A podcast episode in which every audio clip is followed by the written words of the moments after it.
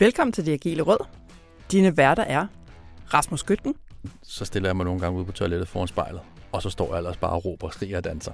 Og det er simpelthen, fordi jeg fejrer mig selv. Line Hvid. Grafisk facilitering vil klart være mit gode råd. Og dagens gæst, Anne-Katrine Vindfaldelsen. Særligt i år er faldet sådan en eller anden 10 år i forhold til de facilitering, der gør rigtig meget af det. Line, du har inviteret en gæst i studiet. Jeg tror måske egentlig, vi begge to har inviteret en gæst i studiet ja, denne gang. Kan det ikke være rigtigt? Jo, det har vi vel egentlig også. Men, men det er der, der har snakket mest med hende. det er rigtigt. Skal vi sige det på den måde? Ja, der er jo det ved Anne-Katrine, som er dagens gæst. Hun snakker meget, så når man først kommer i gang, så er det meget svært at stoppe samtalen igen. Hun er også meget begejstret. Så. Det er hun, og meget lattermild. Ja, og øh, vågne lyttere, som virkelig, virkelig har lyttet alle afsnit, vil måske genkende hendes navn, for vi har haft hende i før. Mm. Og vi gør faktisk også noget lidt andet denne gang. Ja. Øh, inde i, i mine noter, så er det, vi har gang i nu, øh, blevet til et koncept, som bliver kaldt rundbordssamtaler.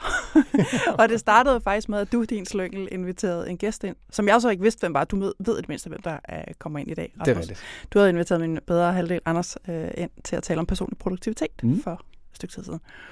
Øhm, og det blev jo ikke så meget den klassiske, Nå, men hvad laver du? Og sådan, også fordi Anders arbejder ikke i Agil, han er øh, tech-podcaster, så, så det handlede så som sagt om personlig produktivitet, og det blev mere en snak, os tre imellem, også fordi jeg går op i det, du går op i det, Anders går op i det, øhm, og det er jo faktisk også det, der skal ske i dag. Jamen præcis. Ja. Det er jo så ikke personlig produktivitet, vi Nej, skal snakke hvad skal vi snakke om. Det, det er et helt andet emne. Vi skal snakke facilitering. Yes. Og, og det er bare fordi, altså jeg tror alle, der, der arbejder i den agile verden, arbejder som noget Scrum Master Coach, et eller andet, whatever, kan godt lide facilitering. Eller bruger i hvert fald øh, værktøjerne i den faciliterende værktøjskasse rigtig meget. Yes. Så det skal vi prøve at blive lidt klogere på i dag. Det skal vi nemlig. Og grunden til, at det så er fedt at få Anne-Katrin ind, altså udover at hun er dejlig øh, entusiastisk at snakke med, der hun er, altså først og fremmest hun kan IT, og så har hun bare haft, hun har haft så mange roller. Hun sendte på sådan en liste, øh, Product Owner, Scrum Master, UX'er, øh, Business Analyst, projektleder, forfatter, podcaster, og hun siger bare, at hun er øh, multipassioneret, for at sige det mildt. øh, men hun er meget, meget passioneret omkring facilitering, så det er oplagt, at hvis vi gerne vil nørde det her emne, så er det selvfølgelig Anne-Katrine, ind i studiet. Helt sikkert, helt sikkert. Yes. Jeg har også lagt sådan en helt lille øh, gameplan med spørgsmål og alt muligt, men den tager mm. vi, tænker jeg, når vi har fået Anne-Katrine i studiet. Det lyder som en rigtig god plan. Så skal vi vel ud og hente hende. Ja, skynd dig. Velkommen til dig, Anne-Katrine. Mange tak. Igen har jeg jo lyst til at sige. Ja, yeah, du er tilbage. selvom du har været her før, og selvom jeg har sagt lidt om dig, så må du også gerne lige præsentere dig selv. Ja. Og det er jo smukt, fordi det er jo sådan noget, der også skifter lidt mening. Hvem er jeg egentlig? Eller, det, det er sådan, hvem er det nu, jeg minder ja, mig om? Hvem er det nu, jeg er i dag? Ja, øh, du har også fået krøllet hår siden sidst, så Præcis. du er lidt en anden. Ja, ja, ja. ja. Jamen, jeg ændrer mig tit. Øh, og særligt med øh, det faglige har jeg jo haft en meget øh, whirlwind-rejse øh, på det sidste, og nok også alle de sidste par år. Øh, så faktisk lige øh, dags dato har jeg meldt ud på LinkedIn, at øh, det er facilitering og facilitator, jeg måske vil kalde mig-agtigt. Uh, ja, uh, det var da meget... Ej, det var da meget. Ja, det har simpelthen nødt til at sige, da vi besluttede at lave det her og at hive dig ind på facilitering, der vidste vi ikke det der. Nej. Nej, nej, nej, nej. Der er balance i universet. Jamen altså. Ja. Nå, tilbage øh, til dig. så, så ja, altså, jeg, jeg ved ikke rigtig, hvad min titel er. Det er nok også lidt det, jeg mangler, ikke det der. Men det er i hvert fald facilitering af det gode samarbejde har nok altid været min kerne, og det var virkelig også det, det vi lidt snakkede om sidst, med øh, parterapi for udviklingsteams blandt andet, og bogen udvikler også mennesker, og alle de her ting, at det er jo det gode samarbejde, og den måde, vi arbejder sammen på som mennesker, jeg synes er vildt spændende. Og så tror jeg bare virkelig, at der sådan, i hvert fald særligt i år er faldet sådan en eller anden 10 i forhold til de facilitering, der gør rigtig meget af det. Mm. Hvordan vi faciliterer, hvordan vi er i et rum, hvad det kan skabe, hvad, modsat hvad der sker, hvis vi ikke faciliterer. Øh, så det er sådan det, jeg jo er meget besat af for tiden. Som jo også var derfor, vi blev enige om, det skal vi snakke noget mere om. det synes jeg er fedt. Det bliver sjovt, det her. Jamen, Eller, helt det sikkert. Håber jeg. Helt sikkert. Og netop som du siger, altså facilitering er jo meget mere end bare at stå ved et møde og, og stå og sige, nu er det din tur til at snakke, nu er det din tur til at snakke, og nu skal I tige stille. Der er meget mere i det. Ja, Ja, og jeg tror også, jeg tror, i mange år har jeg sådan lidt underkendt det, for bare sådan, er det ikke sådan noget, alle kan? Og så sådan, nej, nej, det er ikke sådan noget, alle kan. Det er det virkelig. Det er simpelthen en af de sværeste discipliner. Altså også når jeg skulle oplære nogen, det er også til, at de bliver sådan, nogle gange sådan helt sådan småvilde i øjnene, og bare sådan, jeg ved ikke, hvad jeg skal gøre nu. Men det ser let ud. Altså, jeg tror måske, det er det, der er, er hagen ved det, at når man kan det, eller begynder at kunne det, så ser det lejende let ud. Ja. Ja, og så tror jeg måske også igen, der er noget talent. Ikke? Altså, hvad har man talent for? Hvad kommer mere naturligt for en? Og det er jo, det er jo nok en af de ting, jeg sådan grundlæggende har været virkelig træt af. Der faktisk siger, du skal bare gøre det, der er let for dig. At bare sådan, Jeg er multipassioneret øh, nørd. altså, der er mange ting, der er lette for mig. Eller, det, det lyder forkert, ikke? Men, men det er sådan, jeg elsker jo at lære nyt, så er det sådan, som, hvad, er, hvad er ikke let? Eller hvad mener I med let? Og der ja. tror jeg endelig, er sådan, nå, okay, når der kommer naturligt, måske er mere et rigtigt øh, svar på det spørgsmål. Jeg har jo la- lavet den her lille gameplan, mm-hmm. som selvfølgelig er en punktliste, øh, som jeg altid laver. Øh, og nu riser jeg den lige op, både så lytterne ved, øh, hvad der skal foregå, og så også, så må vi, ja, så vi alle sammen kan huske, hvad pokker det er, vi har sagt ja til, inden vi gik ind i studiet. Altså først og fremmest, så I har allerede taget lidt hul på det, I to. Det der med, øh, vi har et spørgsmål, der hedder, hvad er facilitering egentlig? Mm. Og det er fordi, jeg har sådan lidt op i hovedet, som om, jamen, det ved vi da alle sammen, hvad er. Vi taler jo rigtig meget om det i de agile råd, og så slog man bare, måske skulle vi faktisk prøve at definere det, fordi altså enten er det super nemt, eller også så bliver vi klogere af den samtale, fordi der er nogle af oplevelser der. Så det starter vi med. Og så kommer øh, det, jeg har kaldt krigshistorier. Og jeg, jeg har opdaget, jeg har simpelthen gang sådan en krigsmetaforik i, i den her lille gameplan, og jeg ved ikke, jeg var så i godt humør, da jeg lavede den. Jeg ved ikke, hvad det om. Men øh, vi skal ligesom være komme med et eksempel for vores eget liv, hvor der er et eller andet, der er gået helt galt i vores facilitering, og så selvfølgelig, hvad kan vi lære af det? Kun et? Nå. Ja, altså, du slår det bare løs. Når vi er igennem det, så kommer vi til det, jeg så har døbt The Great Advice Battle. Og det er simpelthen en runde, hvor vi giver gode råd. En for en kommer vi med et super godt råd til facilitering, og det er en battle, fordi man må altså ikke gentage et råd, som de andre har sagt. Så måske skal man lige spille lidt strategisk, hvis man godt vil kunne tage credit for, for et specifikt råd. Ikke? Og så har vi en bonusrunde, fordi i uh, den store runde, der lægger vi væk på facilitering generelt, og så også specifikt i lokalet. Så skal vi altså også have en bonusrunde til der online facilitering, som driller mange. Mm. Så det er simpelthen det, vi skal igennem. Er I klar? Ja. Det håber jeg også, klar. Det håber jeg også, lytterne er. Nå, hvad er facilitering, Anne-Katrine? Øh, jeg har lyst til at sige, at alle bøgerne siger jo, at facil kommer fra at gøre ting lette. så vi er fuld cirkel nu tilbage til at gøre det, der er let for dig. Ikke? øhm, og jeg har sådan virkelig, så bliver jeg også kæmpe nørd filosofisk, og sådan, hvad, ja okay, at gøre det let, super. Hvad fanden betyder det, ikke? Altså, øh, så jeg tror for mig handler det ret meget om at skabe en usynlig proces, der skaber resultater. Det tror jeg sådan var den sætning, jeg sådan uh. lidt... Åh, oh, det lyder næsten helt meta. Prøv det. Ja. Det, du, du, du er lige at pakke lækkert. den. Ja, men på en eller anden måde, der er sådan et eller andet over det, ikke? Men pakke den lige lidt mere ud. Ja, det var også, men jeg tør ikke bidrage med noget nu. Det lyder for Nej. fedt, det det, det var sådan en sætning, der kom til mig, hvor jeg var sådan, ja, det, Ja. det er det, det betyder for mig. øhm, jamen, jeg tror netop, det er det der med, øh, det er jo meget forskelligt. Vi kan, vi kan facilitere, hvad kan man sige, alt fra øh, netværksmøder til et almindeligt møde til længere dage og alt sådan nogle ting. Så det der med at få for eksempel et workshop til at forløbe, hvor deltagerne ikke opdager det. Altså sådan, kan man sige det. At de ikke opdager, at de bliver faciliteret, eller at, at tingene bare kører smooth, eller hvis vi for eksempel har sådan en meget konkret workshop, og vi skal nå det her, vi skal have lavet en udkast til et produkt, at vi så også når det mål. Hmm. Og så kan det godt være, at jeg som facilitator har haft en plan, der måske var helt anderledes, og det opdager de ikke. Altså fordi det lykkedes i rummet, fordi man også kan omstille sig, og du ved, alle de der gode evner. Man, man har altid en plan, der ikke lykkes helt. Ja, præcis. Ja. Og så har man backup, og jeg tror, ja, Spoiler alert. Ja. så nogle ting, man er sådan, uh, den der, den fungerede ikke, men den tager vi lige om lidt.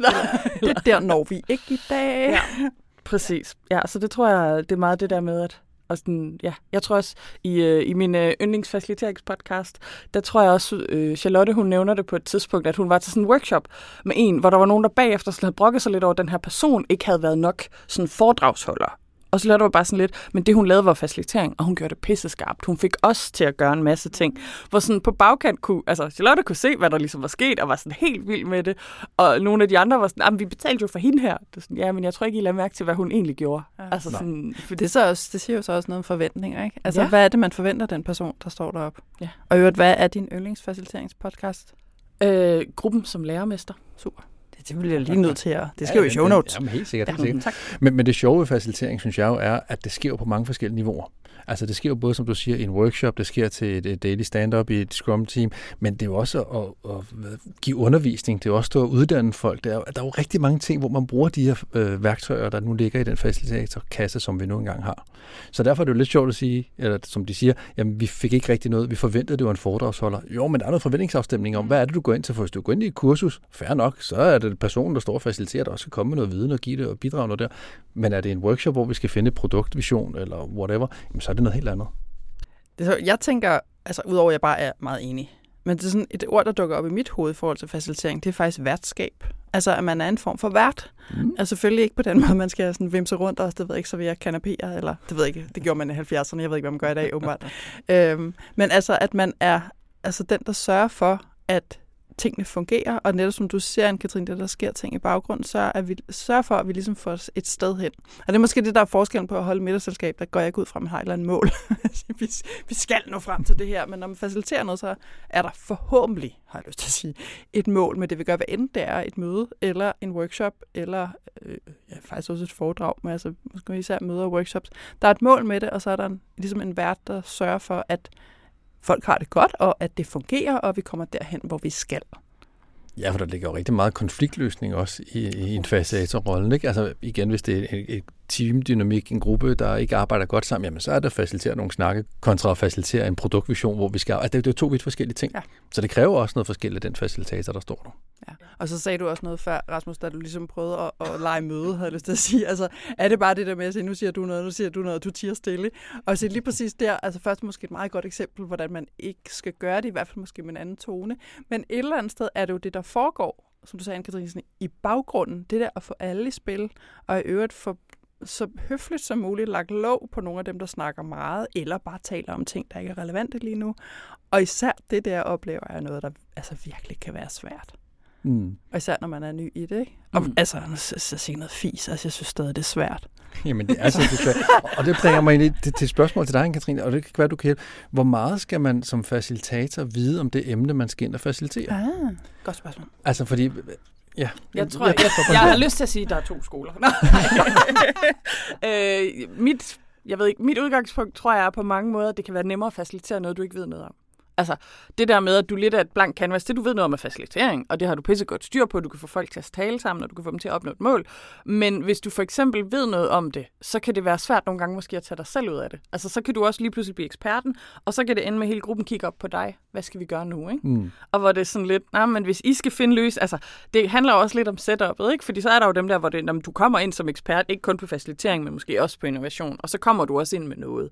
Og det er jo også fint, men det er i hvert fald meget sådan den der klarhed om, hvem, hvem er jeg i rummet, hvad kommer jeg med, og at de også ved det. Ja.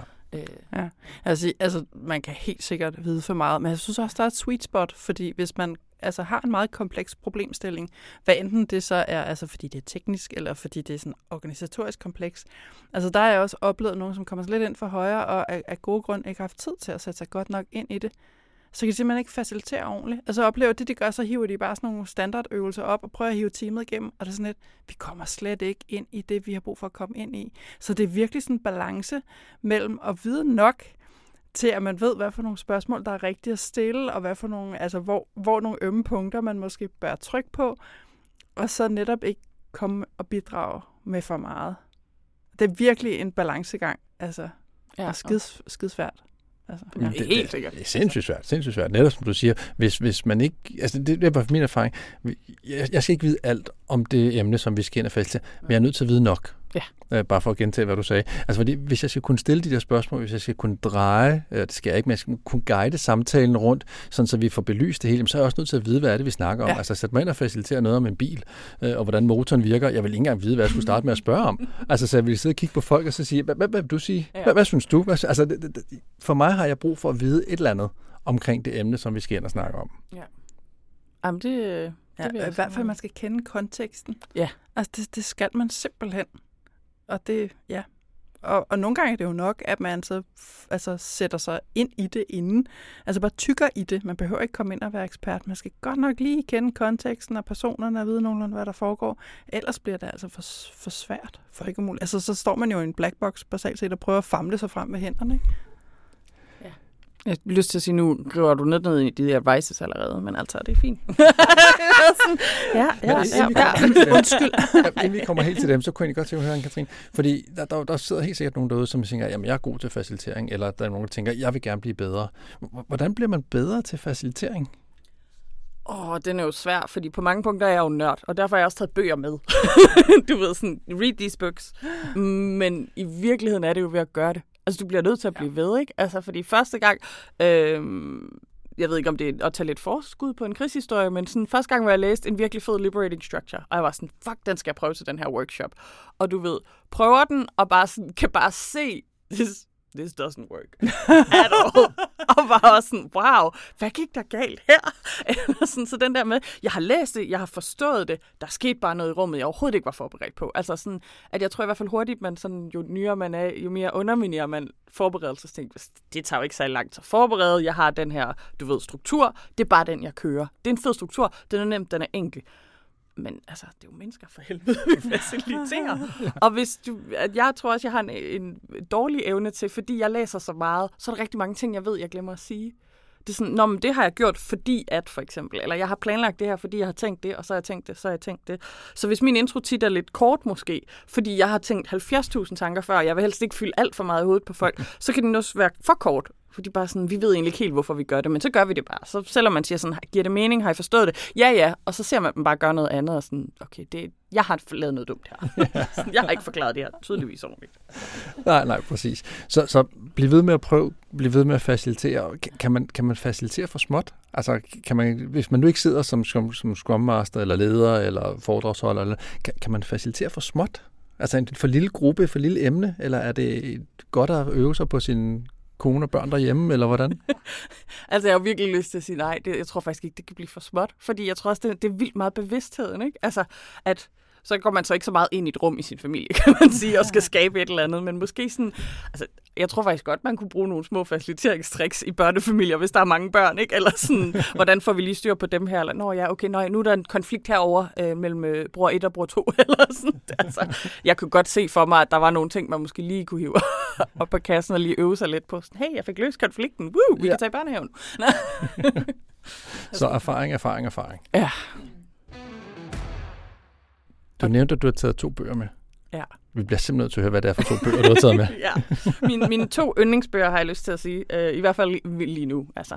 Når, men når vi snakker om facilitering, fordi det, der sådan startede for mig med at forstå, at facilitering var ikke bare, at jeg satte mig leder en plan for en workshop. Det tror jeg er på mit projektledergen. det har jeg bare altid kunnet. Det har jeg aldrig tænkt over.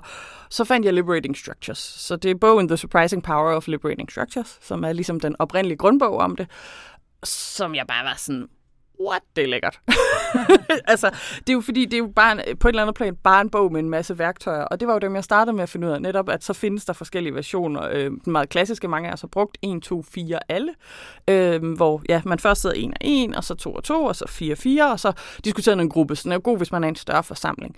Men da jeg så øh, fik bogen, fandt jeg ud af, at der var en masse ting, de havde tænkt over, som ikke kun var alle de her værktøjer. Så netop det der med, nå ja, der er jo en mm. grund til liberating structures virker. Altså, der er jo en grund til de her ting, som de har gjort, som jeg synes er ret fedt. Mm.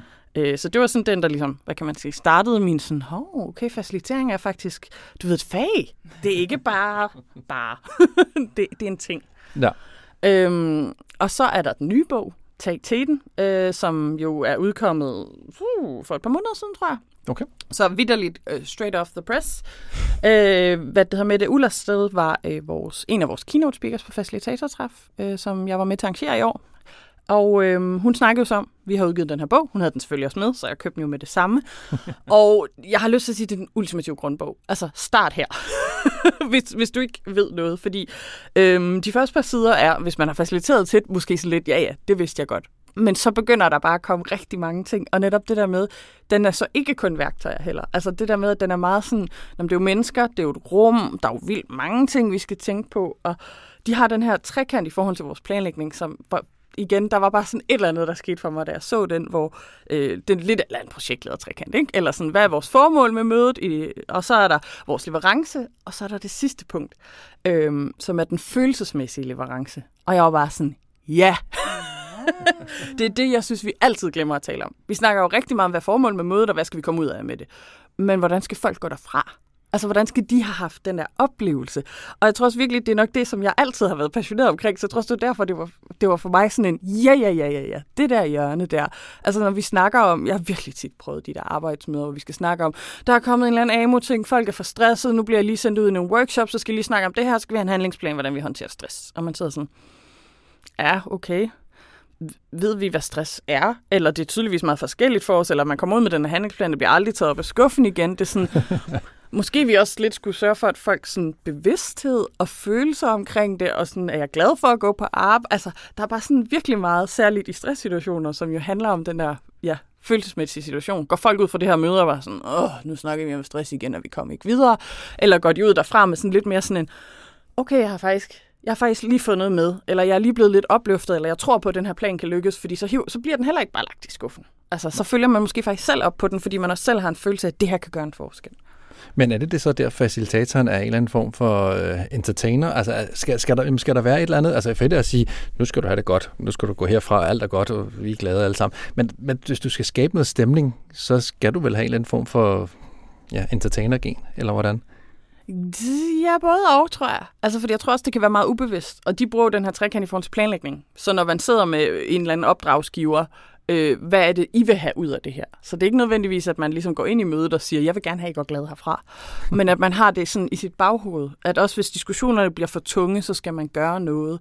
Eller også så kan det også godt være, at folk godt må gå derfra lidt tunge. Altså hvis det er noget seriøst, som vi ikke kommer til at fikse i dag, at de så også sådan har opmærksomheden af, at jeg er blevet, hvad kan man sige, set og anerkendt, men vi kan ikke fikse det her problem på fem mm. minutter. At, at det er sådan den der bevidsthed om, folk går ud af det med en følelse ligegyldigt hvad, men om vi kan sådan, det lyder forkert, manipulere den lidt.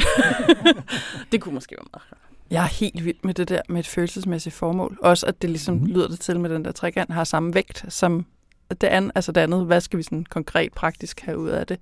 Fordi det er så rigtigt. Altså netop, og jeg synes jo heller ikke, altså det du siger det med, i virkeligheden, hvis jeg hører det rigtigt, at folk går derfra med en alvor måske, og har forstået en alvor. Altså vi behøver ikke alt, altså altid komme ud, det ved jeg ikke, med begejstret flikflak fra Nej. et eller andet workshop. Altså, det, det må også godt være sådan, gud, og det skal vi da virkelig have gjort noget ved det her. Altså det kan jo godt være den følelse, man går med. Og jeg er helt vild med det. I love it. Ja, I love it too. Ja, så det vil jeg bare kæmpe anbefalinger at se på. Og det er ikke, Mette har ikke skrevet den alene, hun har skrevet den med Katrine Kent og Pernille Bandholm Jacobsen. Shout out til dem. Ja. Det lyder som en link i show notes. Ja. Yes, Jamen, altså, de kommer begge to i show notes, og jeg tror, at vores studie selv for den gang skal være øh, os tre og bøgerne. Det må vi lige finde ud af, Eller det bare bøgerne. Eller bare bøgerne. Eller bare bøgerne. Kære facilitator, hvad skal vi igennem nu? Jamen, jamen, fordi hun har jo allerede, hende der, vores søde gæst og hun har jo allerede taget et hul på det, fordi næste punkt på dagsordenen er jo simpelthen krigshistorie. Oh yes. Og øh, gæsten skal jo have lov til at lægge for. nu har du sagde, du sagde jo til at begynde med, at du faktisk at må vi kun komme med en. Nu har du kommet med en. Nu får du lov til at komme med en til. Hvad har du Okay. Jamen, det er jo et spørgsmål, om jeg også skulle uddybe den første, for nu blev det jo sagt lidt hurtigt. Øh, og det er faktisk, jeg har lidt to historier, lidt faktisk med det samme team, i to vidt forskellige kontekster. Okay. Øh, fordi den, jeg sådan lige snakkede om før, var øh, Open Space Technology, som er Liberating Structure. Tænkte jeg, fuck, den er fed, den kan vi bruge i den her sådan, workshop, hvor vi skal snakke om nogle forskellige emner. Og der var jo et eller andet, der skete netop med, at det stak helt af. Og jeg tror både, altså igen i den der baggrundsselvreflektion, jeg, jeg fik ikke sat scenen godt nok, men så prøvede jeg også sådan, okay, jeg kan se, jeg kunne se det undervejs de, de bliver stående. Pointen med open space er jo, at du går lidt rundt mellem plancherne, og sådan, her har jeg et pointe, her vil jeg gerne sidde noget op. Folk bliver bare stående ved den der samme planche, og prøv sådan lidt at nudge dem. Nå, men du ved, hvad, hvad med den derovre? Skal vi, skal vi ikke have lidt, lidt på den der? Og sådan, nej, nej, men nu står vi lige godt her. Eller og bare uddybende spørgsmål. Altså, planche, hvor man hænger de emner op, man ville tale om? Altså, det var jo et kreativt projekt, og det var noget med vores målgrupper. Så vi skulle have sat nogle ord på de forskellige målgrupper, fordi vi var sådan lidt, der er vildt mange målgrupper til det her site, og hvordan skal vi strukturere det og sådan nogle ting. Øh, og hvad har de brug for? Og det var samtidig også, igen fandt jeg ud af på bagkant, det er jo noget, de har sølet rigtig meget i det her. Øh, altså, jeg var ansat i samme virksomhed, men jeg var ikke oprindeligt med i den arbejdsgruppe, eller hvad man nu kan sige, det team. Øh, så jeg blev lidt heden udefra, og fandt jeg ud af, at jeg tænkte, jeg faciliterede den her workshop som et første skridt i gåsøjen til at få åbnet op for nogle af de her ting. Det viser sig så, at de her første skridt har lavet rigtig mange gange. Så også det, de kom ud med efter den, da vi sådan semi opnåede noget af det, jeg i hvert fald ville, det var jo også sådan en, åh, hvor nu er vi her igen. Og det vidste jeg jo ikke. Du ved, de havde faktisk følt, de havde prøvet lidt af det her før. Og var så sådan, åh oh, satans, igen det er den der planlægning, planlægning, planlægning. Jeg var ikke klædt godt nok på til, hvad jeg skulle facilitere. Konteksten. Ja, Nej. præcis. Ja. Øhm, så det, det var sådan ret, øh, ja, virkelig sådan en, jeg bagefter var sådan, wow, jeg skal skrive nogle ting ned af, af, sådan, af den oplevelse. For jeg tror stadigvæk på for eksempel strukturen i sig selv, den tror jeg egentlig ikke, der var noget galt med, men i den kontekst, der hvor de var, passede det bare overhovedet igen. Øh, og det er jo nok også noget, det øh, i hvert fald en af mine personlige øh, superhelte, som jeg jo også er på kursus hos lige nu, øh, på faciliteringsuddannelsen. Katrine hedder hun også. Øh, hun siger meget sådan det der med, jamen det er jo undskyld mig, næsten pisselig meget med alle de der skide modeller, hvis vi ikke forstår, hvad der sker i et rum. Ikke? Altså, så kan vi hive nok så mange ting op af værktøjskassen. Ja. Men hvis det ikke er det, folk har brug for, så lige meget. altså. Faktisk apropos de oplevelser, jeg har haft, ikke? Altså, når folk ikke ved nok, at de kan jo være dygtige facilitatorer, så kommer man i sådan en standardøvelse, og man bare sådan lidt, øh, hvad? Altså, okay, fedt, nu har vi lavet en masse post-its, men hvad kan vi bruge til? Ja.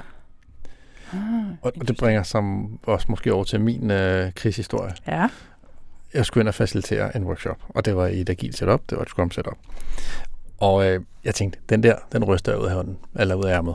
Jeg er fuldstændig styr på den. Jeg behøver sikkert planlægge noget som helst. Og vi kan vist roligt sige, at det gik galt.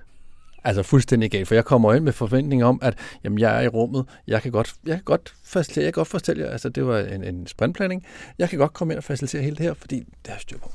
Jeg kendte ikke teamet, jeg har ikke rigtig arbejdet sammen med dem før. Det gik fuldstændig galt. Jeg kom løbende ind af det her dejlige rum, dejlige, altså det var lyst, og det var masser af plancher, og hvad vi også kunne sidde og arbejde med. Alt var bare godt. Jeg var bare ikke forberedt mig godt nok til at kunne facilitere igennem det her proces omkring, hvad er det, vi skal opnå, hvad er vores mål, hvad er det for noget dialog, vi skal have, hvem skal sige hvad, hvornår, hvorfor. Så nej, forberedelse, jeg byder 100% i det på det. Man skal kende kontekst, det er den ene ting, men man skal selvfølgelig også være forberedt på at, at ligesom skulle gøre de ting, der skal ske. Og Rasmus, hvordan kunne du mærke, at det ikke fungerede så godt? Resultatet, vi kom ud med, var fuldstændig elendigt. Okay, super.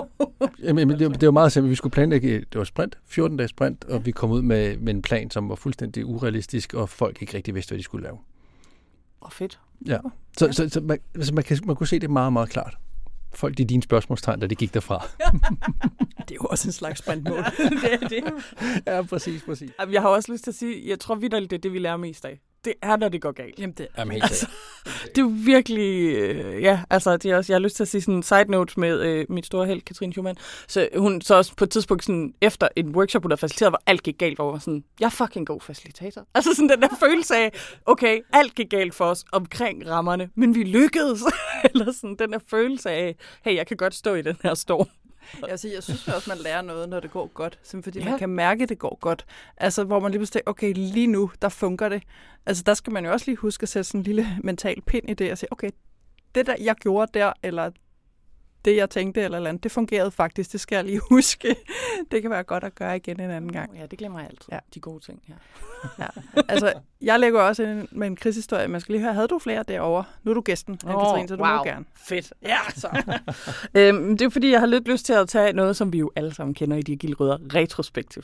Mm-hmm. Mit yndlingsevent. Og meget på teamet før, som var en del af den her open space, så skulle jeg facilitere en retro for dem. Og det var et team, der havde det svært. Øh, det var det. Og øh, jeg vidste godt, de var i et forløb med noget konflikthåndtering, en erhvervspsykolog, der kom ind og holdt nogle forskellige oplæg. Men jeg var ligesom sådan ude af den kontekst bare blevet bedt om at prøve at facilitere en retro, for at vi kunne, du ved, de kunne se, hvordan andre gjorde det også bare, ikke? Og øhm, jeg kommer ned i et rum og havde forberedt og planlagt, og jeg synes egentlig sådan, det var en lidt sjov stemning, men jeg starter jo ligesom bare lige så stille ud. Og så de her posts, der kommer op, jeg kørte meget klassisk, sådan med et glad med de her smileys og der kommer kun gode ting på. og jeg bliver sådan, well, this is a lie. altså, det var sådan, hvad, hvad fuck sker der? Og øh, da jeg sådan, sådan, du ved, prøver sådan at prikke lidt, og sådan, hvor, hvorfor, hvorfor er der kun gode ting? Og så er de sådan, jeg kan ikke huske, om det var dagen før eller dagen efter, de nærmest skulle bruge hele dagen med den erhvervspsykolog. Så de var bare sådan, vi orker det ikke. Vi orker ikke at tale mere om, hvad der ikke fungerer. Og jeg var bare sådan, kiggede på de to, der inviterede mig, og var sådan, hvorfor fuck er jeg her i dag? altså, hvad laver vi? Vi skal, vi skal stoppe det her, vi skal ud og gå en tur, vi skal gøre noget andet. Det er ikke det, folk har brug for. Og retro for fuck, hvad teamet har brug for, ikke? Øh, og de var sådan, nej, nej, vi jeg synes, det er vigtigt, du kører igennem. Altså, og jeg sidder bare sådan lidt, eller faktisk står og sådan vugger lidt, og de, uh, de, nej, nej, nej, nej, nej, det, det spilder vores allesammens tid. Altså, det er fint nok, I kan se, hvordan jeg faciliterer det, men, men I får jo ikke noget ud af det. Altså, overhovedet fordi I ikke vil tale om tingene. Fordi det forstår jeg godt, I er trætte af at tale om tingene. Eller sådan. Og det, der var jo endda også en af deltagerne, der faktisk også lidt begyndte at græde. Altså ikke på grund af det, der blev sagt, men fordi hun var, sådan, hun var så mættet af, at det hele bare var så negativt. Altså så det var bare sådan et rum, hvor jeg bare var sådan, okay, jeg prøver at køre den her lige så stille i land, men hold kæft, hvor er det ubehageligt. Altså, fordi jeg bare var sådan, vi skal trække stikket og ud nu. det havde du ikke også lyst til simpelthen bare, altså, sige lige ud, i talsæt det i virkeligheden. Så, okay, jeg er blevet bedt om at gøre det og det. Altså, jeg vurderer, det giver ingen mening. Jeg synes, vi skal Altså. Jo, jeg prøvede at sige det sådan lidt. Jeg var sådan lidt, okay, jeg kan godt mærke, at I ikke har lyst til at tale om noget af det andet, fordi det skal et andet sted. Det accepterer vi, den præmis tager vi bare, lige nu ignorerer vi det. Men jeg synes egentlig også, at det, så burde vi ikke tage det her med. Altså jeg prøvede sådan lidt ja. at sige, så er en retro ligegyldig, fordi pointen med retroen er jo, at vi kan tale om det. Ikke? Ja. Og hvis vi ikke kan det, hvorfor gør vi det så? Altså. Altså jeg spørger, fordi det, jeg, jeg bliver sådan helt øh, hektisk på din vej, og ja. presset til den eneste vej, jeg kunne se ud, det er bare kalde den og sige, okay, ja. det her, det er jo, det er jo for Tak for det. Ja, ja. ja. hej, hej, Mike, I'm out. Ja. Um, og det var virkelig, og så blev det sådan til lidt en snak om, nå, men altså, skal vi være bedre til at gå nogle ture sammen? Ikke? Altså, du ved, også de der pointer, vi endte med at komme ud med, var sådan lidt, ja, lad os da gøre det, men man havde bare ikke følelsen af, at det overhovedet ville ændre noget, vel? Altså, ja. det var sådan, ja, den gjorde lidt ondt i sjælen, mm-hmm. Så igen, øh, forventningsafstemning. Hvad er det for et rum, man går ind i? det. Og det kunne faktisk godt være en lille segue til min oh. øh, krigshistorie. Så jeg, jeg kan ikke helt finde om, jeg synes, jeg har snydt lidt, fordi min kommer simpelthen fra dengang, jeg tog min coachinguddannelse. Men det er bare, da jeg sådan, så tænkte, hvad er min krigshistorie? Altså, hvornår jeg følte mig sådan decideret lammet, så var sådan, oh my god, den der øvelse, vi lavede under... Øh. og jeg siger, altså, jeg har taget en, øh, jeg har certificeret, hvad er det, EMCC-certificering for systemisk coaching. Jeg kan aldrig huske den der forkortelse, men der er lige meget. Det systemisk coaching, det er fokuseret på organisationer, øh, relationer, mønstre og sådan noget. Og meget af det er sådan en til en, men der var også noget, der hed team coaching, og det var en af grundene til, at jeg tog den certificering. Det var sådan, det der, det skal jeg have noget mere af. Og på det tidspunkt havde jeg altså faciliteret masser af møder og workshops, ikke? så jeg tænkte, om det kan, altså jeg kan der noget her. Ikke? Og så skulle vi selvfølgelig lave en øvelse, Øhm, og så er det jo sådan, at så er der en, der skulle være coach, og så var der altså en, der skulle være hjælpecoach, som ligesom var den, man kan øh, lave en time-out, og så få nogle gode råd af undervejs, og de andre skulle så indtage nogle roller, og så fik vi så et eller andet specifikt scenarie. Og jeg var sådan, jeg vil gerne, altså jeg tænkte, hey, det er derfor, jeg, jeg melder mig der, det har jeg prøvet før, og der var mange, der sad og puttede sig, der var ikke så mange, der havde lyst til det der. Nå, kæk, går man ind i rummet, ikke? og vi sat, jeg satte mig ned med min hjælpecoach, fordi så skulle vi lægge en strategi. Hvordan gjorde vi? Og så vil jeg sige, det var rimelig hardcore scenarie, at de havde givet os. Ikke? Det har de måske tænkt lidt over siden, øh, håber jeg. Fordi det var simpelthen, at vi skulle forestille at være, øh, jeg tror nok repræsentanter for, for HR, og så var de andre ledere, og der skulle være en fyringsrunde, og vi skulle så sammen, vi skulle facilitere en samtale, hvor vi sammen skulle altså, tage ud på samtalen om, hvem, altså, hvordan finder vi ud af, hvem der skal fyres. Ja. det så det var, den er også hård, ikke? Ja, den er rimelig hård. Altså, og jeg kan ikke engang huske, hvad for en plan vi havde lagt. Jeg kan bare huske, at jeg havde sådan en idé om, at om det her er jo en trist øh, situation, men vi må jo finde ud af det sammen. Og, altså, jeg havde ideen om, at jeg skulle ind i et rum, hvor vi skulle samarbejde. Og der er så lige et shout-out til mine øh, medstudenter på coachinguddannelsen. Mega gode skuespillere. Totalt en character. øh, og jeg mener, at de var blevet briefet også på at have nogle roller, ikke? Og jeg mener, det var korslagte arme, og de var sure, og det var bare sådan, jamen jeg er overhovedet ikke en del af det her, det kan overhovedet ikke komme på tale. Og de reagerede, altså det var overhovedet ikke det, jeg forestillede mig, der skulle ske. Så jeg tror seriøst, den der øvelse havde været i gang sådan 10-20 sekunder, så kaldte jeg en timeout. Fuldstændig lammet, og var sådan, at jeg skal tale med dig, min hjælpecoach. Og jeg kan heller ikke huske, hvad for en strategi vi lagde. Jeg kan bare huske den der fornemmelse af, altså at blive, altså få spændt mentale ben, og det løb koldt ned ad ryggen, og var sådan et, shit. Altså, det var også en ret hård øvelse, de havde sat op. Men altså, hvis jeg lærte noget, så er det første det der, altså man skal, man skal virkelig passe på med ens eget mindset, når man går ind i et rum. Jeg forventer det her, vi er. Det er ikke sikkert, det der, det er. Nej. Altså, apropos måske også, hvad du har oplevet, Anne-Katrine, ikke? at lige, altså, kaste egne forventninger over bord, og så lige fornemme. Og så med sådan en her situation, altså det er i hvert fald det, jeg har gjort, når det er sådan nogle gange lidt svære samtaler, man skal have. For guds skyld, lav noget lobbyarbejde. Både for at finde ud af, hvad der foregår, men også, altså kan man få nogen lidt med ombord, ikke? Mm. Men, men det viser jo også bare, hvor komplekst facilitatorrollen er. Ja. Altså, det er ikke kun de der glade samtaler med, nu skal vi, jo, alt er godt, og hvad er det, vi kan lære det her. Nej, det er jo altså også de hårde samtaler, og det er jo du skal være klar på, at samtalen kan ændre spor og karakter, for der sidder måske en imellem de her publikum, som er lidt negativ, som lige pludselig smider en bombe, som man så skal være klar til at håndtere. Yes. Og også, altså, som sagt, selvom altså, jeg var jo forberedt på den måde, vi havde en plan, og det var jo bare en øvelse, ikke? og jeg havde jo prøvet sådan noget før. Jeg var lammet. Men det er også, altså det prøvede jeg også på PAK i en af vores eksamensøvelser. Der får folk nemlig også nogle roller, det er horribelt, fordi folk er lidt for gode til de roller. For jeg tror, personligt tror jeg altså ikke på, at et ægte menneske ville være så firkantet. Vel? Fordi sådan, jeg har fået den der rolle, at nu skal jeg være sur besværlig. Det er sådan, ja okay. Men hvis det havde været en rigtig situation, og det her var ikke min første workshop, så ville jeg jo have snakket med dig på forhånd. Så ja, jeg kommer til at reagere på en ikke så pæn måde, for jeg bliver lidt træt af, at du spiller den der rolle. fordi det bliver så sådan akavet, ikke? Jeg, vil sige, jeg var også klar til The Oscar Goes To, fordi de var virkelig gode, altså. Ja. Og pak.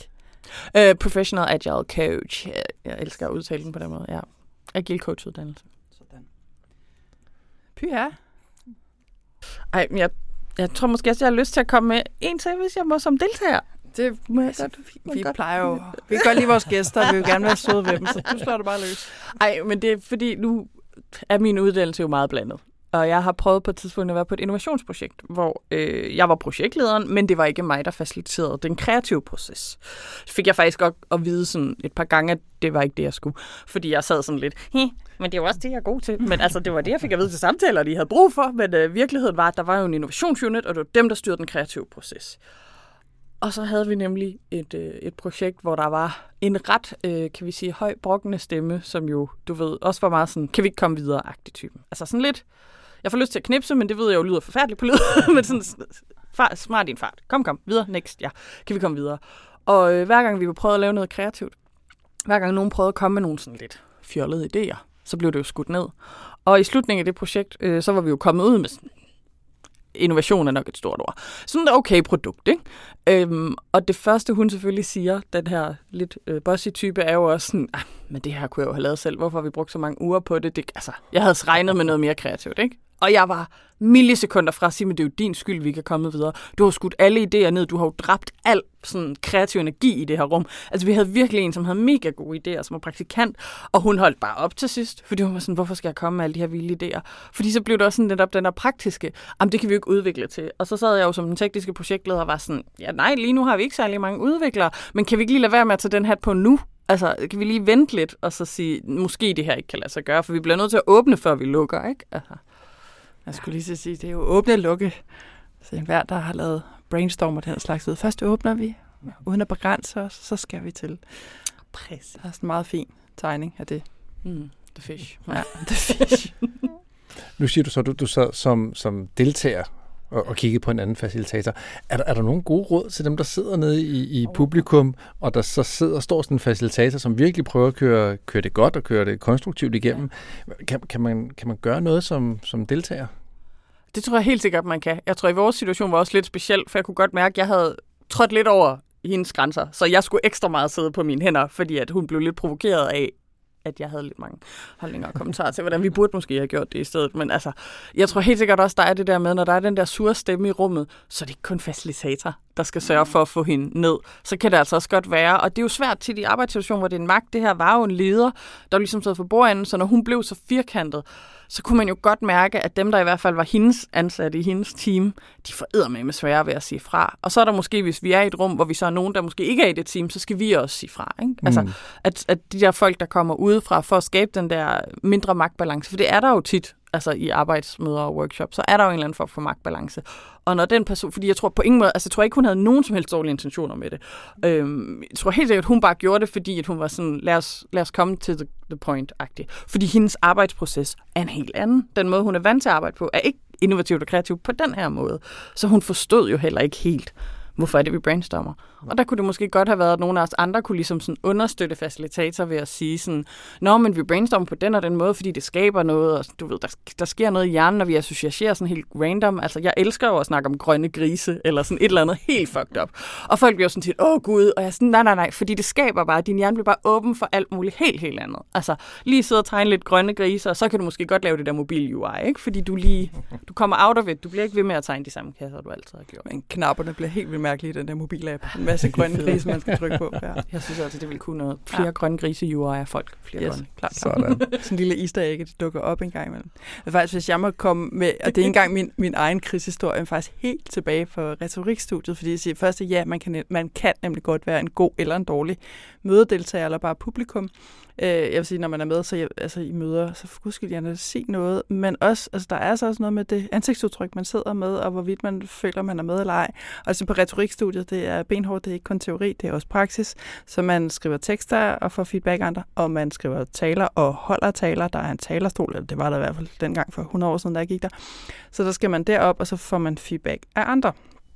Det var ikke mig, der holdt en tale den dag, men der er en, der hun står deroppe, og det, vi kunne mærke, det gik super, super fint, og vi sagde, nej, vi tog alle sammen noter og ting, hun skulle have ved bagefter, og lige pludselig kunne hun bare se, at hun blev hyldet fuldstændig ud af den. Og, sådan, og så bagefter var feedbacken jo til hende, Nå, hvad skete der? Altså, vi kunne se, der skete et eller andet der, ikke?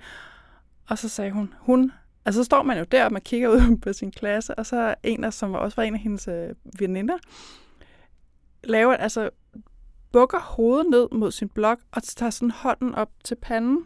Altså lidt som om sådan en, hun tænker, nej. oh, my god. Hertha. Nej, nej, nej. Ja, jamen, lige, altså, altså det, det er ærgerligt, der ikke er, er, er billede på, for Rasmus, ja. Du lavede en helt rigtig bevægelse lige der. Oh my god. Og det så hun, og, og tænkte, åh, oh, hvad er det, jeg står og siger? Det, der viste sig at ske nede hos hende, det var bare, hun, hun tænkte, jeg skal lige tage en note på det her. Altså, der var intet. Nej. Og, det, og vi talte faktisk en del om det generelt på studiet, at hvis vi synes noget er spændende, så kommer vi tit til at se meget alvorligt ud. Ja. Altså, og man kan også lidt tage den der hånd på hagen, og, sådan, noget, og måske lidt rynket bryn, ikke? Så det Så ansigtsudtryk, sig man får, det er som om, okay, hvad er det for noget bullshit, det står og fyrer af? Selvom det, man tænker måske, gud, hvor er det spændende, det her. Ja. Og det kan man altså, hvis man godt vil være et godt publikum, eller en god mødedeltager, god workshopdeltager, så det der med lige at huske, hvordan man ser ud i fjeset, og måske lige huske at smile lidt, det er faktisk en, øh, en meget god idé. Så er man, så er man sød facilitator. Nå, så har vi været nok i det krigsland, har vi ikke? vi skal til at have nogle gode råd. Ja. Så øh, jeg ridser lige reglerne op igen. Det er... Apropos Så der Krigsland. bliver, der bliver smøget ærmer op. Konceptet er, at vi alle sammen har en masse gode råd, vi gerne vil give. Og vi laver en øh, runde rundt om bordet, starter med vores gæst. Og så kommer man med et godt råd til, til god facilitering. Og øh, så går, går bolden videre, og man må ikke gentage et råd, den anden har sagt. Så de råd, man gerne vil have sit navn på, skal man altså få fyret af på et rigtigt tidspunkt. Ikke? Det er jo fordi, at jeg synes jo lidt, Line, at du stjal min før nummer et. Øh, nej. Det gør ikke noget. Det, Okay. okay. det, det er nu, det starter. Nå, det er det nu, det tæller, starter. ikke? Så Okay. du Ja. må, åh, så you, you go girl. øhm, fordi min nummer et er sådan lidt, kend, har jeg sat i godsøjne, din deltager. Altså vid, hvad det er, du går ind til de mennesker. Hvor er de i processen? Hvem er de? Hvad er energien i den opgave, du skal ind og løse? Altså, nu tror jeg særligt, at jeg snakker med en ekstern facilitator hat, fordi hvis du er Scrum Master, så skal du måske ikke bruge så meget energi på den her del. Men hvis du netop kommer uden fra et andet sted i organisationen, eller helt hyret udefra, Gud, hvor altså baseret også på min egen krigshistorie. Hvor kan det gå galt, hvis du ikke ved, hvad det er for nogle deltagere, du kommer ind til? Altså, jeg har jo næsten lyst til at sige, at det kunne være fedt, hvis man lige kan få et lille tv på dem alle sammen på forhånd, ikke? altså, når man bare sådan have en eller anden menneskelig forståelse, at mere en menneskelig tv egentlig end et virksomheds, ikke? Altså, Men hvordan gør man det, hvis man kommer eksternt fra? Ja. Kære kunde, jeg skal holde en, en workshop hos jer på torsdag, men jeg kommer faktisk lige på onsdag for at interviewe jer alle sammen. Ja, det kunne jeg faktisk godt have lyst til, ja. Altså, jeg tænker også, det i forhold til, hvad opgave man får stillet selvfølgelig, men jeg kunne, nu har jeg jo endnu ikke prøvet at være sådan helt ægte ekstern, men det er jo lidt min drøm, at hvis man får tilbuddet om, eller snakken om en opgave, man så siger, jeg har behov for, afhængig af, hvad det er for en workshop, og have en snak med minimum to til tre deltagerne. Sådan så jeg har lidt en indsigt i, hvad der, er, der foregår, særligt for eksempel, hvis det er noget konfliktfyldt, altså man skal håndtere noget samarbejde på det plan, så er det eddermame vigtigt at vide, hvor de forskellige folk står, og måske ligefrem have en mini-coaching-session med dem alle sammen på forhånd, fordi så kan man lidt bedre se det. Altså, du kan godt se nogle dynamikker i et rum, men du kan måske bedre forstå, hvor det kommer fra, hvis du lige har fået lidt mere historik med, som er nemmere også at få en til en, end det er at sidde i et grupperum. Ikke? Altså som minimum en briefing af den person, der har bedt om at få det. Og Hvis det nogle gange har de jo også altså noget dokumentation, altså måske er der nogle mødereferater for et eller andet, den kunne man jo så bede om lige få lov til at læse. Altså, det, ja, det er i hvert fald min mission, at det er noget, jeg sådan ret meget vil spørge ind til, at det, det skal altså være en del af opgaven, at jeg kan få lov til at ja. Snakke med folk. Ikke kun bare lige facilitere en workshop og gå igen. Bare lige. Hmm? Bare, Bare- ja, bare, bare lige, lige, bare, bare lige. lige. Du ved. Nå, men øh, hvis nu vi simpelthen går med uret, så, så det er jo lidt uhøfligt, så giver den til mig selv. Er Ja, det, er så, det er så fair. Det er helt, helt i orden. Nej, er godt. God stemning i studiet. Nå, jeg kobler mig på det der med forberedelse. Øh, det, jeg smider ind der, det er...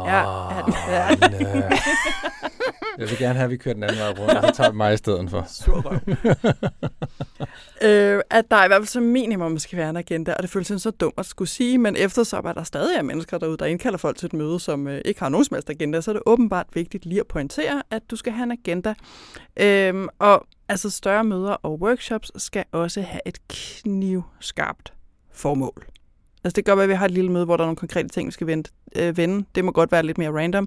Men hvis du bruger mange menneskers øh, tid i en time eller mere, så skal du med være skarp på, hvad du skal have ud af det. Fordi det er rigtig meget tid, du spiller, hvis du ikke ved, hvorfor vi er der. Jeg er meget enig. Helt enig. Næsten lidt for enig. Lundrød, Rasmus, Nej, nej. Jeg har flere. Øh, og det er fordi, at øh, nu har I jo sagt rigtig gode ting omkring forberedelse. Min, det var forberedelse, forberedelse, forberedelse. Og det er bare fordi, at det, ja, min krigshistorie fra før, det gik ind. Men jeg tager en anden. Jeg tager en anden. Det er slet ikke det, det skal komme an på. Ja. du er overhovedet ikke bitter. Nej, nej slet ikke dårligt taber derovre. Nej, nej, nej, nej, overhovedet ikke, overhovedet ikke, overhovedet ikke. Jeg har det sådan lidt, når man står som facilitator, så har vi jo snakket omkring, hvor meget skal man kende til emnet, og hvor meget skal man være dykket ned i det. Jeg synes bare, det er ekstremt vigtigt at være neutral og ikke have en eller anden foruddannet mening og holdning omkring, hvor det er, vi skal hen. Og det er sindssygt svært. Øh, jeg har selv stået i den situation, en anden krigshistorie, hvor jeg ligesom havde en mening og begyndte at guide hen mod mit resultat, hen mod min mening. Øh, for det er ligesom, jeg synes, der var det vigtige. Så mit råd det er bare, jamen, træk nu så langt ud af kontekst som muligt, skulle jeg sige, men, men lad være med at, at være for dybt ind i det, lad være med at tage en, en position, og lad være med at, at, at dirigere trafikken derhen, hvor du vil have den. Så neutralt som muligt. Øh, jamen, så tror jeg, at min næste er, øh, kend dit mandat. mm. Ja, øh, som jo er meget netop den der, men hvad har jeg egentlig? Altså, hvor meget må jeg, øh, hvis jeg netop særligt er ekstern facilitator, jeg har fået et eller andet opdrag, øh, det er, at vi skal nå herhen. Jeg kommer ind i det her rum, jeg tænker allerede fra første minut, det kan vi ikke. Altså er mit mandat, at jeg kan få lov til at gøre det, rummet har brug for, eller skal jeg presse igennem Gud noget, eller hvad man nu kan sige, for at vi når vores mål? Ikke? Altså, hvor kan jeg være i det her spektrum af en, op- en opgavegiver, eller hvad man nu kan sige, og de rent faktiske deltagere? Øh, som er en af de steder, man kan have et mandat. Der er jo også noget med, kan jeg godt planlægge et nyt møde, for eksempel? Hvordan og hvorledes? Må jeg godt sætte folk på plads? Altså, det lyder forkert, ikke? Men hvis der virkelig er en negativ stemme, eller sådan meget disruptive, kan jeg sige, hvad, hvis du ikke har lyst til at være her, så må du gerne gå, ikke? Altså, der er nogle af de der sådan roller, øh, nu kommer jeg lidt til at sige. Teten har nemlig også... der var sådan, ja, pege på bogen. Øh, der er nemlig sådan meget flot med, hvor er du som facilitator i forhold til nogle forskellige øh, parametre, som jeg synes er ret fedt.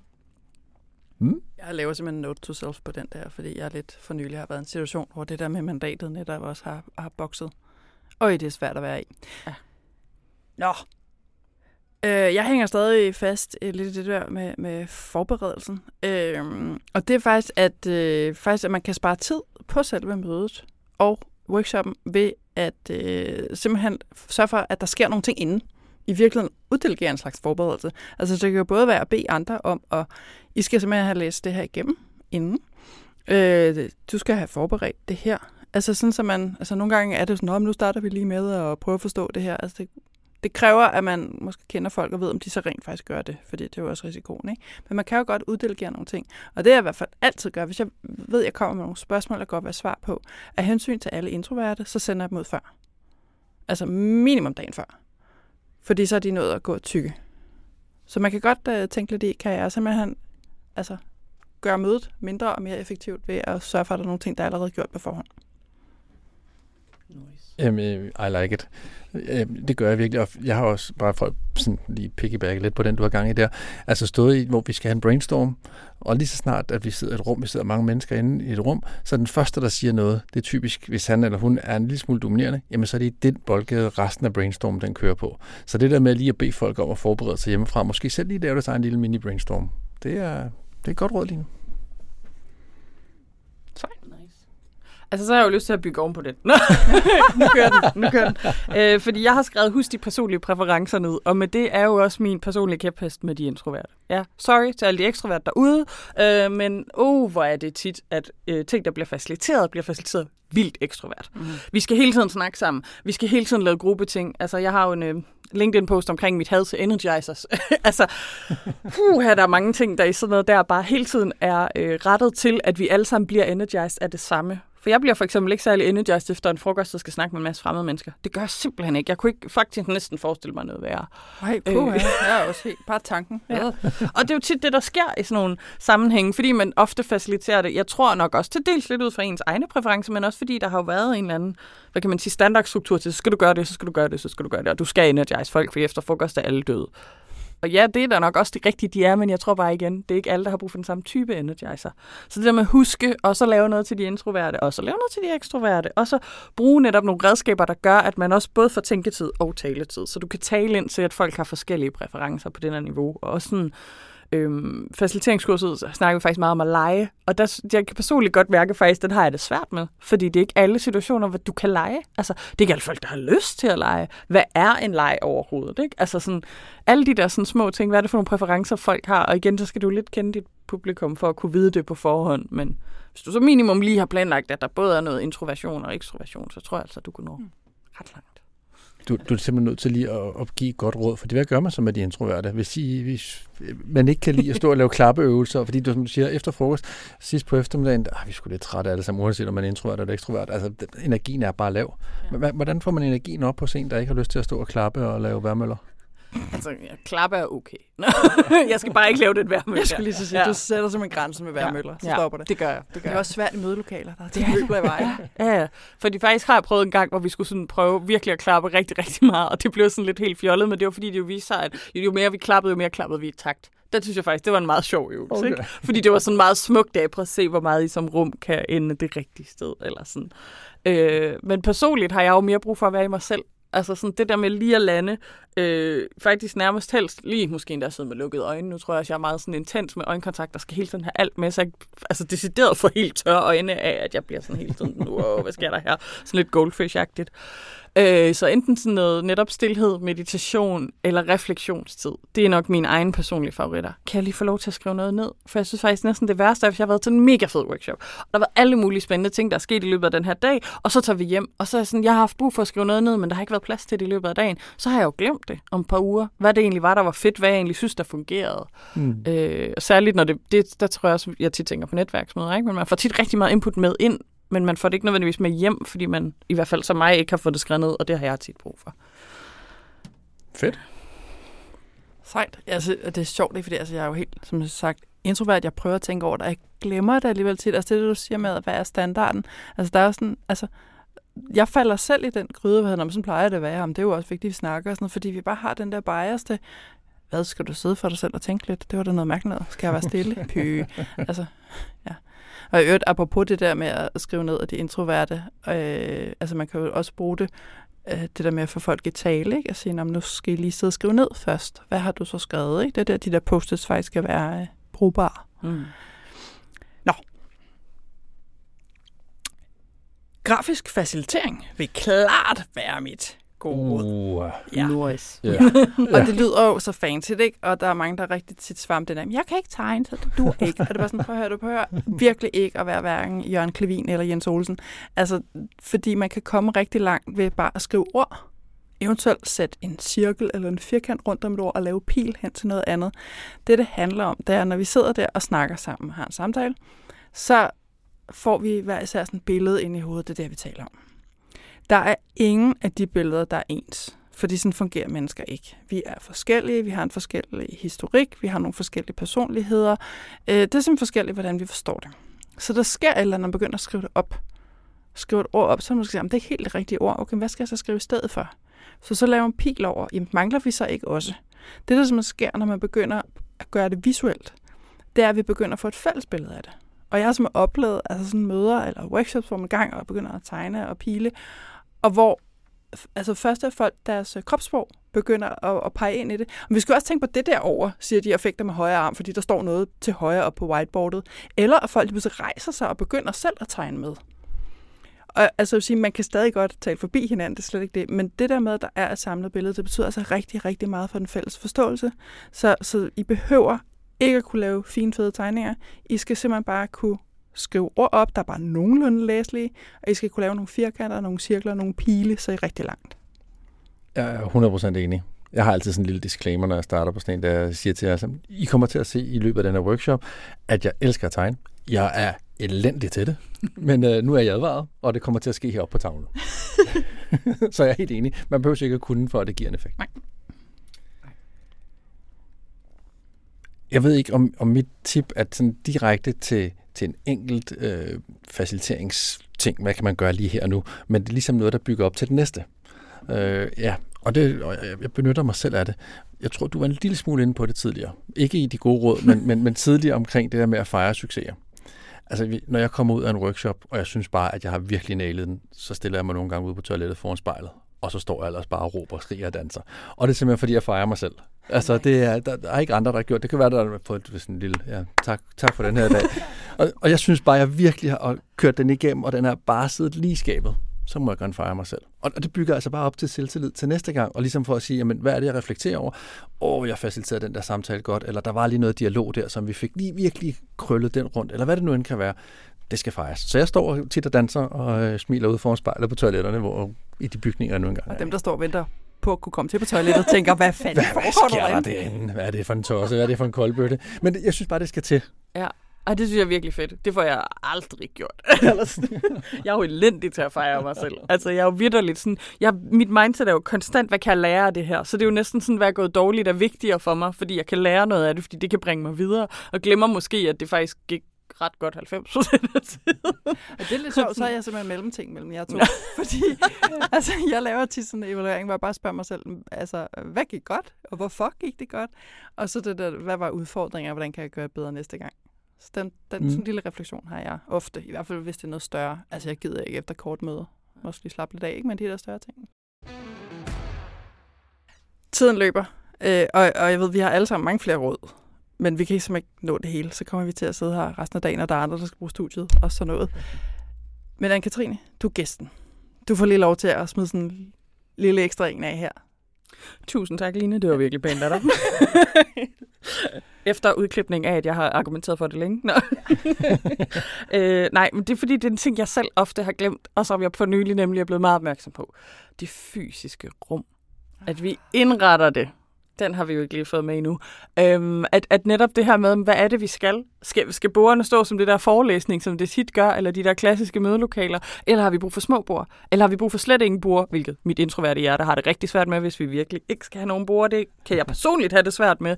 Men jeg kan godt se afhængig af, hvad vi skal. Mm. Så kan det der fysiske rum virkelig bare og det kan være et problem på en arbejdsplads med nogle meget øh, indrettede kontor, at man ikke kan rette det der fysiske Store, rum. tunge mødebord i midten, ikke? Uh, ja, fedt. Ja. Øh, men jeg tror i hvert fald en bevidsthed om, at det der fysiske rum faktisk gør en forskel. Det tror jeg godt kunne være sundt for folk lige også ja. Jamen, det tror jeg helt sikkert, for hvis vi laver de der små øer, så, så opfordrer vi jo til dialog ja. og samarbejde i det, den gruppe. Og det er klart, hvis det ikke er det, vi vil, og vi videre vil bare fortælle folk, at de skal sidde og lytte og tage noter, så er det måske noget andet. Men, men, men hvis vi gerne vil have øh, noget dialog omkring det. Så øh, jamen, du har ret. Det er sindssygt godt råd. Så har vi jo en bonusrunde, faktisk. Det har vi. Der kommer du også til ord, Anne-Katrine. Ja. Fordi vi skal også lige nu har vi talt om altså facilitering generelt, og vi har talt altså nu meget øh, om, konkret omkring det fysiske rum. Men hvad nu online, når vi skal facilitere møder og workshops? Er der nogle gode råd til det? Uh, ja, Line. øh, det har vi to jo snakket om i en anden podcast. Fun fact teaser. Ja. Øh, eller i hybrid arbejde. Jeg ved ikke engang, om det når at komme ud inden, men uh, ellers så... Nej, øh, det, er spørg- det finder vi lige ja. ud af. øhm, fordi at øh, jeg må krybe til korset. Jeg er ikke særlig vild med online facilitering. Jeg har det rigtig svært med det der med, at jeg ikke kan se mennesker sådan agere i et rum. Øhm, og jeg har også nogle gange svært ved at blive faciliteret online, fordi jeg faktisk virkelig nemt bliver distraheret.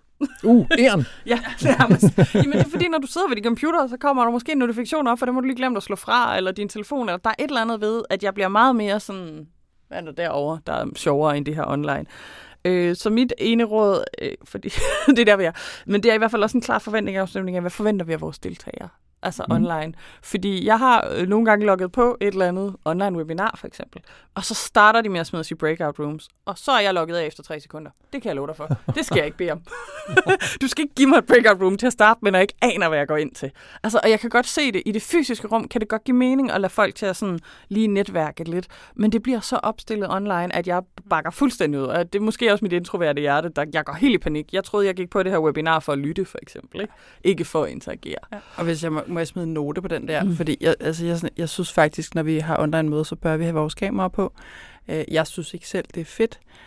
Hvad jeg i hvert fald heller ikke synes er fedt, det er, at hvis man måske ikke lige havde tænkt, at man skulle have kamera på, og at man så siger, ja, så vil jeg gerne have, at I alle sammen tænder jeres kamera. Okay, det ville være meget fedt, hvis I lige fortalte det i forvejen. Ja, så havde jeg altså, ryddet op. Så havde så jeg jeg set op. alt det der. Så var jeg kommet ud af min øh, rodet hoved, øh, op, øh, håret op på hovedknold, og stadig sådan lidt øh, nattøjagtig, eller altså, måske, kan jo godt være der, man er nogle Ja. gange. Ikke? Altså, Jo, jo. ja. Uh, jeg Så- er god til. Jeg har lige været ude og løbe en tur, så mit hår ser lidt fedt ud. Men okay. ja, så jeg, jeg synes, det er en Ej, rigtig, bare, rigtig bare lige en sjov ting på den der. Der har jeg faktisk været ude at løbe, og kunne ikke nå øh, at gå i bad og lignende til, til mødet startede. Så jeg skyndte mig at tage en skjort på, og så sad jeg ellers i løbetøj nede under. Det er klassiker sad med online. Du Ja. har lige prøvet at sætte håret bare en lille smule. Jeg lige sådan, Nå, altså, øh, jeg tror snart, at jeg burde blive sponsoreret af Miro. Fordi, altså hvis jeg tager det mere generelt, hvis du skal facilitere noget online, så skal du have et virtuelt whiteboard. Der findes masser derude. Øh, Jeg synes, Miro er fuldstændig fantastisk. Jeg er faktisk glad for det, at jeg nogle gange synes, det kan være federe, end at facilitere øh, fysisk. Simpelthen fordi man kan så mange sjove ting derinde. Øhm, og hvis jeg skulle give et godt råd, så er det måske lidt snyd, for det giver både Miro som godt råd, men også How to Do Miro. Øhm, jeg synes, altså nogle gange, når jeg har set andre bruge det, så bliver det meget, at jeg har lavet sådan en frame, så her, her er mit whiteboard, og nu skal I skrive nogle post-its på det. Og så udnytter man det ikke godt nok. Altså man skal udnytte, at, øh, altså, at det også har emojis og afstemninger, og der er et ur derinde, og altså man kan virkelig, man kan lave kanban boards, man kan virkelig lave meget knald. Men det er faktisk allermest vil opfordre til, der vil jeg faktisk gerne koble mig på dit råd, Anne-Katrine, fordi du sagde det med rummet. Tænk på dit Mio-board, ikke bare som et rum, men som flere rum. Altså jeg tænker, at når jeg faciliterer fysisk, kan jeg også finde på at tænke i rum i rummet. Altså men om nu laver vi noget her, der står vi op. Nu går vi over til den her væg. Og så står jeg også op der. Nu skal vi lave noget. Nu sætter I jer ned. Og på samme måde tænker jeg også min Miro-rum, at nu skal vi, altså der er måske tre afdelinger i min workshop, så er der tre forskellige frames. De har måske forskellige farver. I det ene, der laver vi post det andet, der laver vi øh, dot voting. Altså, at der sker noget forskelligt, og at det ændrer øh, også udseende undervejs. Og det, der jo så er genialt, synes jeg, når man nu er den, der ejer Mio-boardet, ikke? så er man power. Jeg har simpelthen the, the almighty power hvor det der board. Der er en knap, der sidder, at man simpelthen kan få alle til at komme til sig. Og det synes jeg altså også fungerer ret godt, fordi altså det, der sker, og folk bliver måske lidt distraheret og sidder og dæmper sig lidt, og der er også nogle, altså apropos de introverte, kan tit godt lide at skrive deres post udenfor, hvor de andre kan se den, og så kommer de ind, når de skal øh, sige, hvad de har. Øh, så folk begynder sådan at dæmpe sig rundt i yderkanterne. Og så, så, nu skal vi videre, og så kan man trykke på den der knap, og så kan man bare se, sush, så suser alle markører ind. Men, men det har altså den der effekt af, at vi er et rum, hvor vi laver nogle ting sammen. Så virkelig at prøve at tænke ens whiteboard som et fysisk space med flere spaces, hvor vi bevæger os rundt sammen. Det kan noget. Wow. Jamen, øh, wow. Jeg, ved, jeg har altid vidst, at der var en eller anden lille kontrolfreak over dig. Øh, så det, den ikke, du der knap der, kom til mig. Er det mine høns? Ah, puppets. Nu, Dance. Nej, men det, nu bliver det bare meget tydeligt lige pludselig. Ikke? Et, et kig bag kulissen er, Ja. Rasmus jeg sidder og, jo, og stadig udvikler på et koncept sammen, og der er vi selvfølgelig i Miro, og det er mig, der ejer Miro-boardet, og jeg vil så sige nogle gange, Rasmus, så er du bare også, jeg ved ikke, hvor du er henne, men jeg, Jeg sad lige og skrev, men nu sidder jeg herovre ved dig. der er en stor tilfredsstillelse i bare at kunne sige, plads til Rasmus, og så er han Det der. vil jeg godt kunne fysisk, ikke? Det sådan, kom her. Sæt. Sæt. Og nu vi er ved te- teknik, så er mit også øh, fundet styr på teknikken.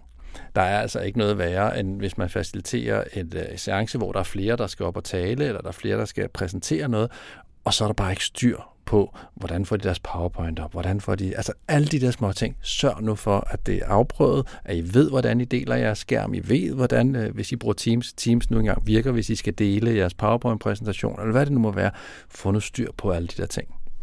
Øh, og så bare lige sådan sidste godt råd lige på den del af det, det er at sige, jamen når du sidder og faciliterer, jeg kan godt lide især Teams, hvis der er flere, der skal på, og lige skrive, øh, den næste, der skal op og snakke, det er Team Grøn.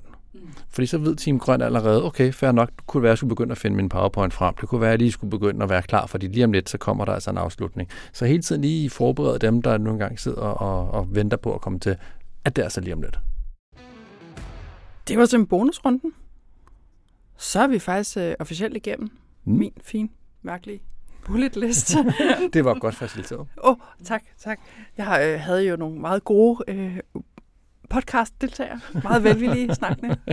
vi ser, Søde ikke, vi ser ikke sure ud. Nej, det gør I ikke. Det, øh, Det kan I ikke se, men... nej. For at blive høre, at stemningen er høj.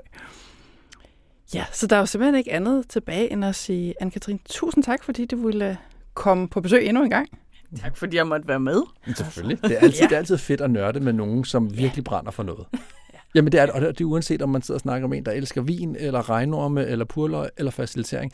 Folk kan virkelig blive øh, inspirerende at høre på, hvis de virkelig brænder for det. Så det har været fedt. Regnorm og purløg, Rasmus. Det, det er en anden historie. ja, vi tager vinen en anden dag, fordi den kan jeg også. Ja. Uh, start mig på orange vin, og så har du trykket på en knap, du ikke vidste. Men apropos nørde, hvis man nu gerne vil nørde videre med dig, hvor kan man finde dig henne? Mange steder. Overalt på internettet. Nå.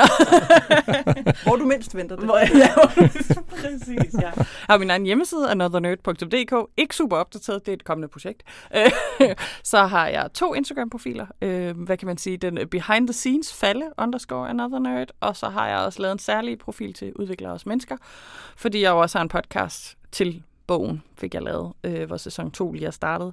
Og øh, på min egen, øh, hvad kan man sige, Falde Another Nerd, deler jeg så min anden podcast, fordi jeg, jeg laver tydeligvis ikke andet, øh, øh, som hedder Hvor F er balancen, hvor øh, den her dokumentation af, hvad er det egentlig, jeg vil med mit liv, den foregår live. Semi-live. nu er der været mange optagelser i oktober, som jeg først kommer ud her i november-december. Øhm, så ja, jeg har sådan lidt en levende dokumentation af, hvordan finder man mening med sit liv, ish. Eller i hvert fald finder balance i det. Ja. Og så er jeg selvfølgelig på LinkedIn, anne-Katrine Vind Fallesen. Jeg plejer at sige det længste navn i verden. Øhm, ikke rigtigt, der findes jo vildere, men altså... Ja, det må jo næsten være altså. Der kommer til at være utrolig mange links i show notes. Ja, det tror jeg også, ja. Og jeg har også en Facebook-side, den bruger jeg ikke rigtigt. Så. Den udlader vi så. Ja. Tusind tak for besøget. tak, fordi jeg måtte være med. Så har vi øh, fået smidt hende der Anne-Katrine ud igen. Slutter så tjollet. Slut til tolv. Det var spændende. Altså, som jeg, som jeg også sluttede af med at sige, når man snakker med folk, der er passioneret om noget, uanset hvad det er, så kan man jo ikke lade være med at blive fordybet i det. Og hun, Ja. hun kan jo tydeligvis lide facilitering. Meget, ja. Ja. Jeg var faktisk sådan helt overrasket over, altså hvor meget også vi sådan alle sammen havde. Altså jeg tror, vi kunne have siddet her i flere timer og Oh snakket yes. videre. Oh yes. Oh yes. Så jeg håber virkelig, at det, der kom med, også var det, altså creme de la creme af de ting, vi havde på hjerte, og at det så selvfølgelig kan bruges af jer derude. Det var alt for denne gang. Du kan skrive til os på hej eller du kan finde os ind på LinkedIn. Vi har en side derinde, den kan du følge, og så kommer du til at høre fra os der også.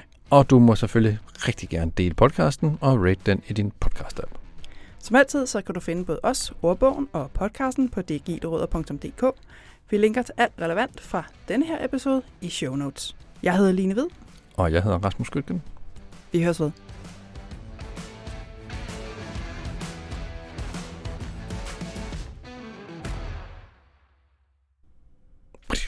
Vi er så pro, mand.